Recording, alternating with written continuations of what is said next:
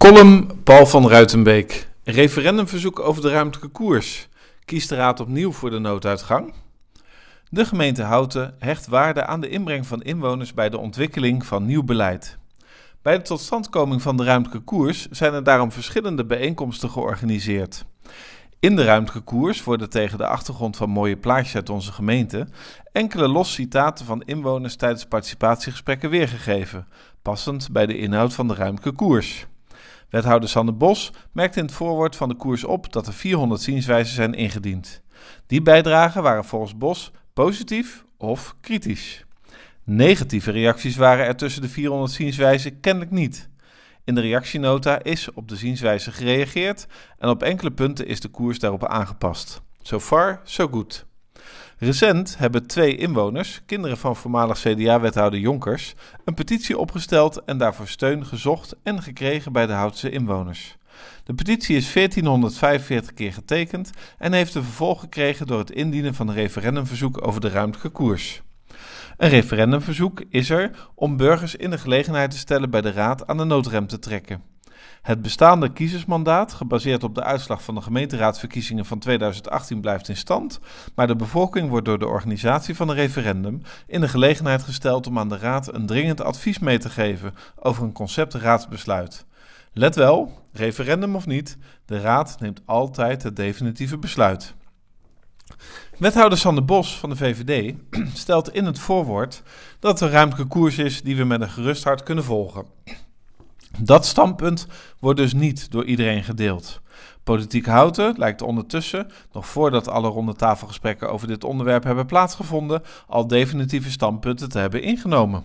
De coalitiepartijen, CDA, ChristenUnie, VVD en GroenLinks, lijken gesteund te worden door de fracties van D66 en Partij van de Arbeid in hun wens om deze koers vast te stellen. De reacties op de petitie op Facebook vanuit deze fracties waren dan ook stevig en afwijzend. Voor een deel kan dit te maken hebben met de taal van de initiatiefnemers, die bijvoorbeeld het proces niet democratisch noemen. Voor een ander deel lijkt het erop dat deze fracties niet gelukkig zijn met de weerstand die er in de Houtse samenleving blijkt te bestaan tegen de voorstellen in de ruimtelijke koers. Oppositiepartijen Houten Anders, ITH en SGP pleiten voor het serieus nemen van de inwoners en ze zijn kritisch over het aantasten van het Houtse DNA, net als de ontwerper van het Houtse DNA, de heer Derks, stedenbouwkundige. De omgang van participanten is altijd moeilijk voor de gemeente. Het is voor de raad en het college natuurlijk het mooiste als de participatie leidt tot een breed draagvlak voor de voorstellen die uiteindelijk aan de raad worden gedaan. Maar als dat draagvlak er niet komt zoals gehoopt, dan blijkt je als gemeente door het inzetten van een participatietraject ook je eigen weerstand te hebben gefaciliteerd en georganiseerd. Daar komt bij dat ontevreden inwoners zich sneller melden dan tevreden inwoners. De ruim 400 ingediende zienswijzen geven aan dat de koers niet in volle breedte door de bevolking gedragen wordt. Dat is ook begrijpelijk, want de plannen leiden ertoe dat er in het reeds bestaande bebouwde gebied forse ingrepen worden gedaan. Om meer inwoners in het centrum te huisvesten is hoogbouw noodzakelijk en dat is van oudsher een gevoelig punt in het mooie houten. Het college ziet een trend dat mensen willen wonen op drukke plaatsen. Feit is dat bewoners van het centrum, zeker rondom het rond, in het verleden juist hebben geklaagd over overlast door activiteiten in het centrum. Er worden in de ruimtelijke koers ook voorstellen gedaan om bepaalde voorzieningen dichter bij elkaar te plaatsen. Dat wijkt fundamenteel af van de eerder gekozen insteek, waarbij voor specifieke voorzieningen ook specifieke locaties werden aangewezen, zoals de kruisboog en de wetering. In het verleden heeft de gemeenteraad een referendumverordening opgesteld. Doel daarvan is inwoners de mogelijkheid te bieden bij de raad aan de noodrem te trekken, als de raad een besluit wil nemen dat naar het oordeel van de inwoners vraagt om een second opinion. Zo'n referendum komt er niet zomaar. Als inwoners een referendum wensen, dan moet wel een substantieel deel van die inwoners daarom vragen. Er moeten twee keer steunbetuigingen worden ingeleverd. Bij het inleidend verzoek moeten minimaal door 0,7% van de kiesgerechtigden bij de laatste gemeenteraadsverkiezingen worden getekend.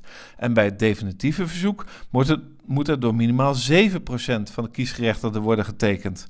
En er zijn in Houten ongeveer 37 kiesgerechtigden. Dus voor het inleidend verzoek heb je ongeveer 250 handtekeningen nodig. En voor het definitieve verzoek ongeveer 2600 handtekeningen. In die verordening trouwens, de regelgeving van de gemeente, worden die aantallen om onbekende redenen verlaagd naar 200 en 2250. Dat zijn dus de drempels die zijn opgeworpen om naar het oordeel van de Raad een verzoek serieus te nemen en dus ook in behandeling te nemen. Maar nu wordt het spannend, want in de verordening zijn een aantal uitsluitingsgronden opgenomen. Redenen waarom een verzoek dat voldoet aan het handtekeningen vereisten toch niet hoeft te leiden tot een daadwerkelijk referendum. De indieners hebben die redenen op voorhand behandeld in een verzoek. Hun conclusie is: er zijn geen redenen om het verzoek af te wijzen. Maar bij een vorig verzoek uit 2018 over winkelsluitingstijden heeft de Raad wel gebruik gemaakt van een uitsluitingsgrond, namelijk die van artikel 3 onder i. Een referendum kan niet worden gehouden over voorgenomen besluiten waarvan de Raad van mening is dat er andere dan de bovengenoemde dringende redenen zijn om geen referendum te houden. In gewone taal, de Raad heeft altijd toegang tot de nooduitgang om een referendum te weigeren. De reden die gebruikt wordt, doet niet echte zaken, als de Raad maar een, volgens de Raad, dringende reden heeft. Destijds bij de winkelsluitingstijden was de dringende reden: de inwoners konden er al over stemmen bij de recente gemeenteraadsverkiezingen. De grote vraag is, ervan uitgaande dat er aan het handtekeningen vereisten wordt voldaan, of de Raad het referendumverzoek accepteert, nu de meerderheid van de Raad zeer enthousiast is over de ruimte koers. Het is zeer aantrekkelijk om het verzoek niet te accepteren en zo geen vertraging op te lopen en dus ook geen referendum te houden. Er hoeft slechts te worden gezocht naar een dringende reden. Stelt de raad inderdaad op, stel dat de Raad inderdaad opnieuw kiest voor de nooduitgang, dan wordt het tijd om de referendumverordening in te trekken. Een raad die tot tweemaal toe een verzoek dat aan alle vereisten voldoet met een beroep op de nooduitgang afwijst, neemt immers de eigen referendumverordening en daarmee de eigen inwoners niet serieus. Gelukkig heeft wethouder Van Dalen van het CDA in het programma Daar hou ik u aan bij Omroep Houten al aangegeven dat wat hem betreft een geldig referendumverzoek zou moeten worden gehonoreerd. Ik ben benieuwd of de rest van het college dit standpunt onderschrijft en de Raad positief adviseert over het referendumverzoek. Mocht het referendumverzoek er komen, dan valt er bij de komende Tweede Kamerverkiezingen twee keer wat te kiezen. Eén keer voor de Tweede Kamer zelf en één keer bij het referendum over de ruimte koers. Houten 4 november, Paul Verruitenbeek.